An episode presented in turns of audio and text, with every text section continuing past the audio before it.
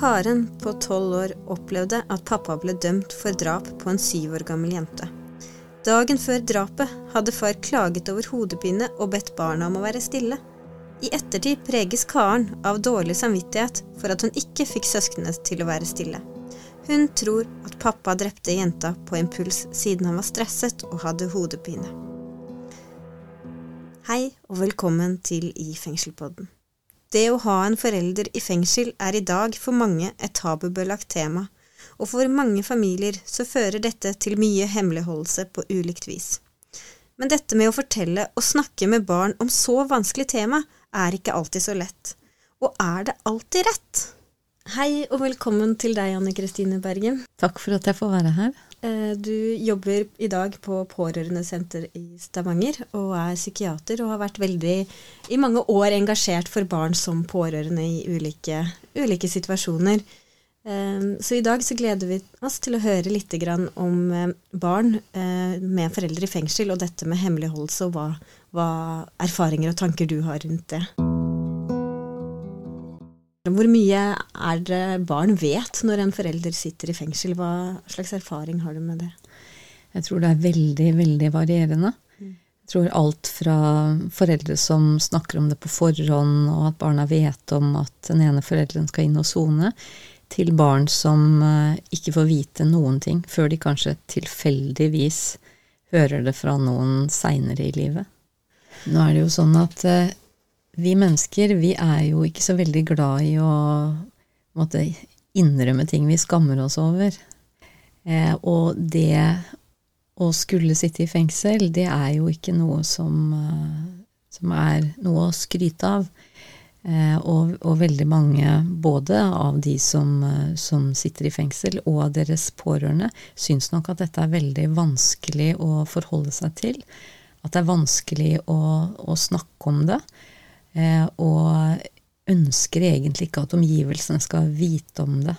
Kanskje redde for reaksjoner, redde for å bli sett rart på. Så det er veldig sånn forståelig. Mm. Men eh, sånn at jeg tror at hemmeligholdelsen den skjer nok både internt i familien eh, og ut mot omgivelsene. Mm. Altså jeg, har, jeg, har, til gode å møte foreldre som holder noe hemmelig for barna sine for å, for å være slemme. De gjør det i et forsøk på å beskytte. Og tenker at folk prøver å beskytte seg selv også. Og så er det jo det som er når det gjelder det med, med fengsling, det er at på en måte så, så har jo folk litt, altså litt rett òg. At hvis man forteller at det er et familiemedlem som er i fengsel, så, så, er det ikke sånn at man kan regne med bare medfølelse og støtte.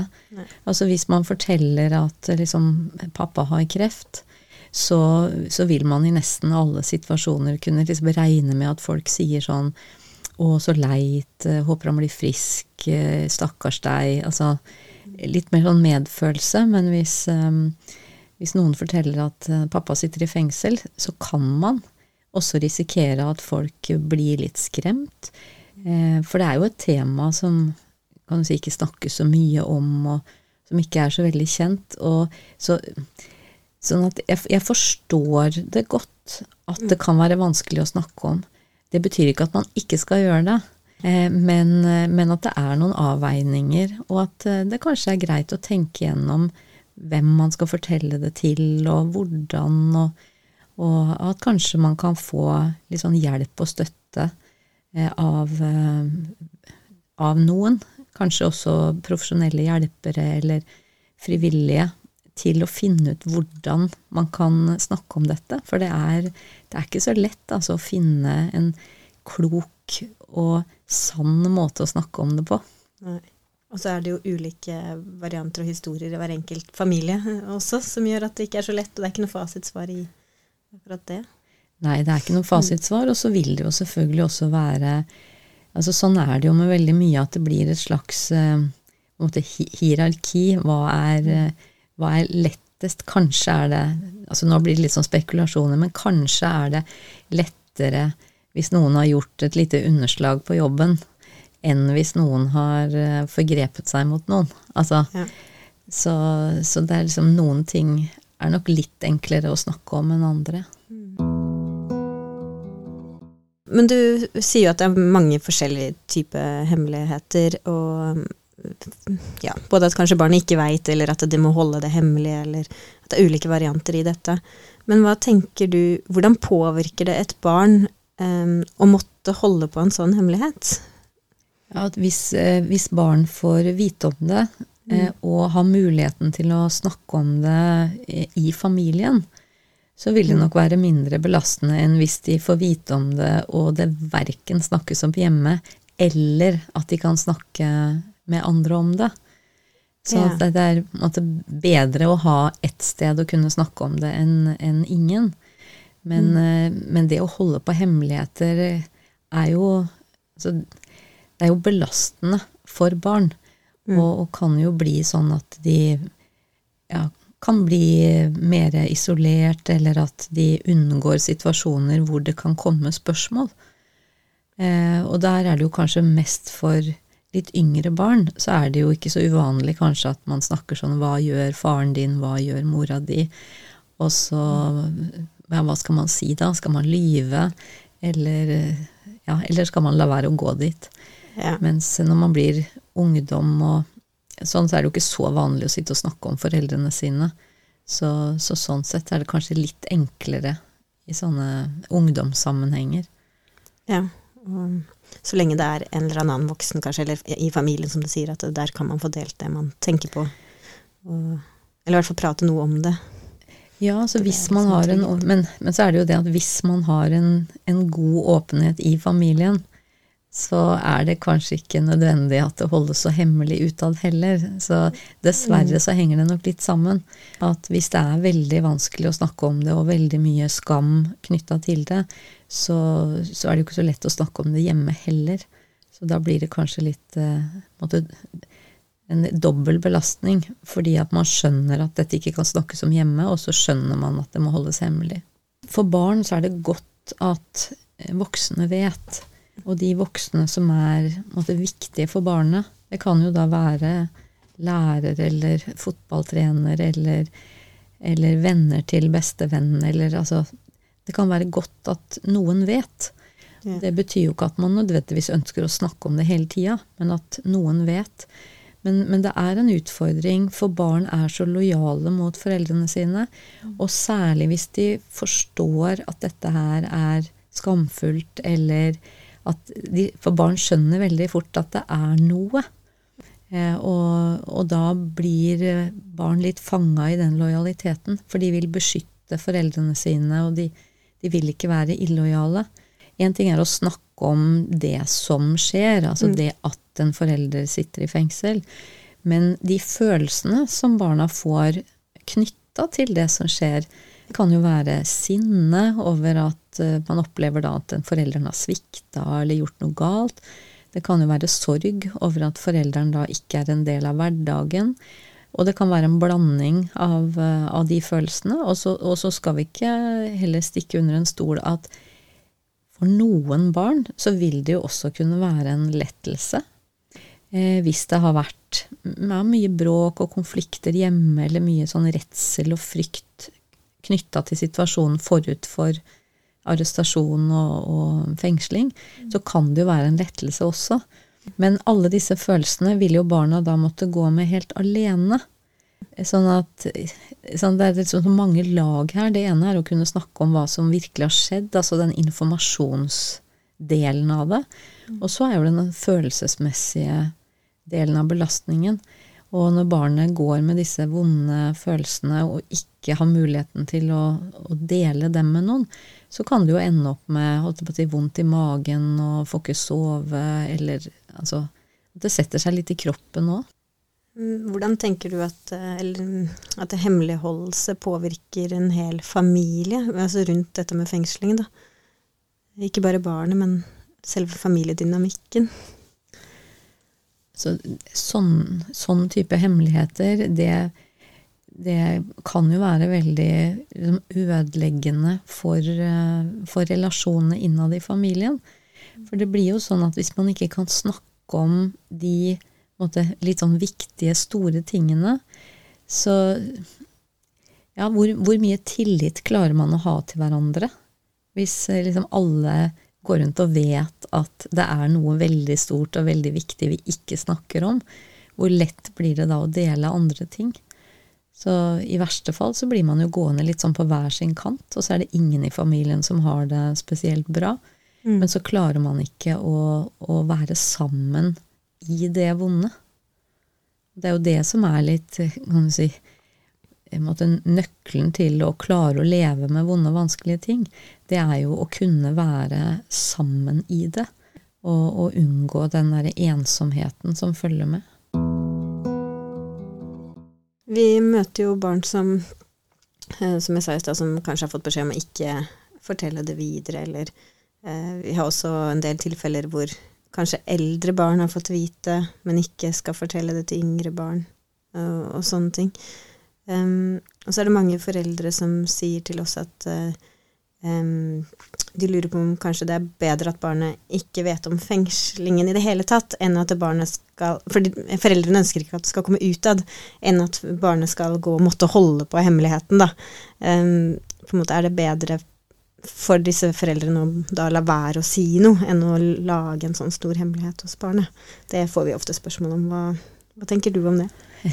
Jeg tenker at det er sånn typisk sånn pest- eller kolera-spørsmål. Ja at det er Altså, ingen av delene er jo noe bra. Eh, men altså Jeg tror mange barn Nei, mange foreldre ønsker å måtte skåne barna sine for det som er vondt her i verden. Så det, det, er en helt sånn naturlig og normal foreldrereaksjon. Ja, det tror jeg, og det, den erfaringa sitter jo jeg med, og at de som kommer til oss og spør, det er jo fordi de vil jo bare det aller beste for barna sine, og de har lyst til å skåne. Ja, og det tenker jeg er så viktig å ha med seg, at, eh, at det er et ønske fra foreldrenes side. Men det vi da dessverre må fortelle foreldrene, det er at det går ikke an å skåne barn eh, for sånne ting. Fordi at eh, barn skjønner at det er noe. Og barn kan legge merke til måte, små forandringer altså i ansiktsmimikk og stemmeleie og hører om si, mamma gråter i stua etter at barna har lagt seg, eller snakker lavt på telefonen, eller altså masse sånne småting. Det får barn med seg. Eh, og hvis da foreldrene ikke snakker med barna, så begynner barna å tolke. Mm. Og så lager de seg sine egne fantasier om hva det er som skjer. Og det kan jo være ganske dramatiske og fæle ting. Eh, og når foreldrene ikke snakker med barna, så oppfatter barna at dette går det ikke an å snakke om. Og så er det ikke sånn at, barna da kommer og sier at eh, 'Mamma, jeg hører du mumler i telefonen. Har det skjedd noe?' I så fall må vi snakke om det. Det gjør ikke barn. For barn prøver å beskytte foreldrene sine fra ytterligere stress og belastning. Og så ender det opp med at barna skåner foreldrene. Og jeg kan jo forstå at foreldre blir liksom redde for at barna skal, skal snakke om ting. Eh, men da må man jo heller snakke ordentlig sammen, da. Og så må man eh, finne ut hvordan kan vi snakke om disse tingene på en ok måte. Og hjelpe barna også til å ha, si, ha fortellinger som fungerer i deres hverdagsliv. Mm. Eh, og, og, det, og, det, beste er jo selvfølgelig hvis man kan lage fortellinger som er måte, sanne, og at man har et nettverk rundt seg som gjør at man kan fortelle sannheten og, og snakke åpent om det. Men uansett så trenger barn hjelp hjemme eller av andre voksne til å, til å på en måte vite altså hva, hva sier jeg da, hvis noen spør? Både for å slippe å være redd for å røpe en hemmelighet, eh, mm. for å slippe å være redd for å måtte lyve. Eh, altså, man kan jo fort vikle seg inn i noen voldsomme løgner og historier. Det blir, det blir veldig vanskelig mm. Å håndtere alle de løgnene og historiene, og da er jo risikoen at, eh, at, at, barna trekker seg tilbake og ikke vil være med på aktiviteter lenger og slutte på ting. Mm. Og, og det er jo ikke så bra. Og så vet vi jo også det at det hender jo at folk måtte flytter, da. Blir det for vanskelig å være på et sted, enten fordi at folk har begynt å få vite om det, eller fordi at man vikler seg inn i så vanskelige historier, så blir det en løsning å flytte. Mm. Eh, og det er jo heller ikke noen sånn løsning å satse på i lengden. Å flytte hver gang noe blir vanskelig. Vi har jo vært um, borti mange forskjellige typer hemmeligholdelser når det kommer til det når foreldre soner. Eh, og som jeg sa i stad også, så opplever jeg jo at de er eh, At de gjøres for å skåne barna, og fordi man kanskje også er usikker på hvordan skal jeg gjøre dette på en god måte, så er det kanskje ploppa ut en eller annen løgn, da, eh, på hvor mamma eller pappa er. Um, vi har f.eks. vært borti historier eh, der det er blitt sagt at pappa eller mamma er faktisk død fordi at det har vært så mye inn og ut av fengsel, så det nesten har vært lettere å bare si at vi har ikke kontakt, og han er borte. Um, eller at foreldrene er på reise, har reist til utlandet, jobber der. Uh, eller at foreldrene er blitt syk. Um, hva tenker du at sånne historier um, gjør med barna, da? Ja, hadde det vært sånn at, uh, at man kunne måtte fortelle en historie som ikke hadde negative konsekvenser, så, så går det jo an å liksom forstå at det høres ut som en god idé. Mm. Men, men, det er på en måte mange ting som er problematisk med å fortelle disse historiene. Eh, og det ene er jo at det, det, har jo lett for å være sånn at sannheten kommer for en dag på et eller annet tidspunkt. Og hvis du når du er åtte år gammel blir fortalt at, eh, at på en måte faren din er død, da, og så når du er 18, så finner du ut at det var han jo slett ikke. Han satt i fengsel. Så, så mister du jo tilliten til alle de voksne rundt deg, mm. som har da løyet for deg i ti år.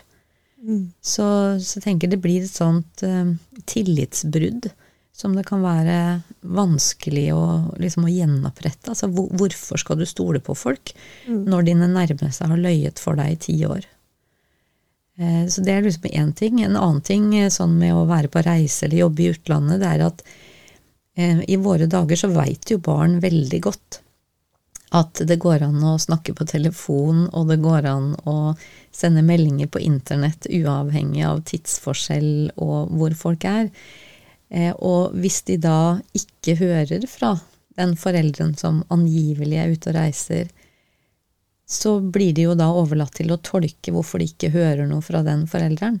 Og da vil jo barn veldig ofte tenke at det er deres skyld, og så vil de tenke at eh, kanskje hvis det er pappa da som er liksom ute på reise, så blir det sånn ja, Pappa er ute på reise, og han sender aldri meldinger. Mm. Han ringer aldri. Eh, han bryr seg ikke om meg. Eh, kanskje han ikke er glad i meg. Og, ja. og da tenker jeg at eh, hvis du skal velge mellom å tenke at eh, faren din sitter i fengsel fordi han har gjort noe galt, og at faren din ikke er glad i deg, så er det bedre å ha en far i fengsel enn å ha en far som ikke er glad i deg. Ja. Så, så, hvis man liksom tenker det på den måten, da, mm. så, så, er det ikke sånn at hvis du sier at de er ute på reise, så er alt fint. Mm man kan kanskje lettere for barnet da, å håndtere og forstå at pappa har gjort noe galt, og han er veldig lei seg for det, men det handler ikke om, om deg. Jeg er fortsatt like glad i deg som pappa. Ja, og at man må gi litt sånn faktainformasjon. Mm. Og, og, det er jeg også litt opptatt av, at man må, må bruke litt sånn ordentlige ord. Eh, og at man kan si at pappa har gjort noe galt, men man kan også si at eh, pappa har eh, brutt loven. Mm. Altså gjort noe som ikke er lov. Eh, og det står i Norges lover. Eh, og når, hvis man gjør sånn, da må man til et sted som heter fengsel. Og det er en måte å gjøre opp for seg på. Eh, for hvis man, begynner, hvis man, sier bare sånn 'har gjort noe galt' og sånn, så kan jo i verste fall da barnet bli redde for 'kommer ja. jeg i fengsel hvis jeg gjør noe galt'? Eller at man kjenner noen andre voksne da, som har liksom gjort noe de ikke burde, de har gått på rødt lys. Havner de i fengsel da? Så, så det å være litt sånn konkret mm. og fortelle at uh, altså Da må man bruke litt tid, da. Så kan man fortelle det at uh, i, i, Norge så har man lover som bestemmer litt hva folk eh, ikke har lov å gjøre. Og det er for at det skal være litt orden i sakene. Mm. Og, og, så så må man liksom bare ta det litt sånn trinnvis. Er det noen tilfeller eh, der du kan tenke deg at det vil være lurt eh, at det holdes hemmelig for barn, eller at det er noe hemmelighet rundt fengslingen i forhold til barna likevel? Du sendte meg jo det spørsmålet på e-post i forkant, og jeg må si at jeg har tenkt og tenkt grundig om jeg kan komme på noen situasjoner hvor det er lurt. Eh, og jeg har ikke klart å komme på noen situasjoner hvor det er eh, lurt. Jeg kan komme på situasjoner hvor det er helt forståelig at foreldrene ønsker det, og at det er vanskelig å snakke om det, men, men eh, som, eh, som eh, Magne Raundalen, som er en av eh, kanskje Norges fremste barnepsykologer, han sier, han sier en ting som er veldig klokt, og det er barn trenger å høre det verste av de beste. Så jo, jo, verre, jo, verre, ting det er snakk om, jo viktigere er det at de får høre det fra de nærmeste voksne som de stoler på. Og ofte så vil jo sannheten en eller annen gang komme fram, som, sant, som det ligger litt i de, det sitatet der. At, uh, ja. Det kommer for en dag, og mm. da risikerer man så mye mer. Da mm. risikerer man tillitsbrudd, og at barna opplever det som et, et svik. At voksne har visst ting som de ikke har fortalt om som jo har, har, vært med på å påvirke livet. Så uansett hvor, hvor, tungt og vondt og vanskelig det er, så, så, trenger barn å vite sannheten. Og tenker foreldre som syns at det er vanskelig, eh, da, da, tenker jeg at da kan voksne søke hjelp hos andre voksne. Og det finnes jo mange frivillige organisasjoner, og som sagt, det finnes nå barneansvarlige i, i alle fengsler i Norge. Så det er alltid mulig å få hjelp til å finne ut hvordan kan jeg fortelle dette. Og så kan man øve seg litt da, sammen med en annen voksen før man sier det til barna. Ja. Tusen takk. Eh, som kort oppsummert så har vi jo snakka da om hemmeligholdelse eh, og hvordan det kan påvirke barn. Eh, at det kan bli vanskelig i familier og vanskelig for barn å holde på, men at det kan være forståelig, selvfølgelig, at man eh, ønsker å ikke fortelle det eller komme med en løgn fordi at man ønsker ikke å se barnet sitt lei seg, man ønsker å skåne det og sånne ting. Men at konsekvensene av å ikke, ikke snakke om det kan være mer alvorlig enn at man ikke forteller det, da. Absolutt. Eh, ja. Og eh, så handler det kanskje mer om hvordan man sier det på en trygg og god måte, eh, og eventuelt be om hjelp utenfra. Hvis man er usikker, så er det mye hjelp å få. Det er det, heldigvis. Ja. Tusen takk, Anne Kristine. Selv takk.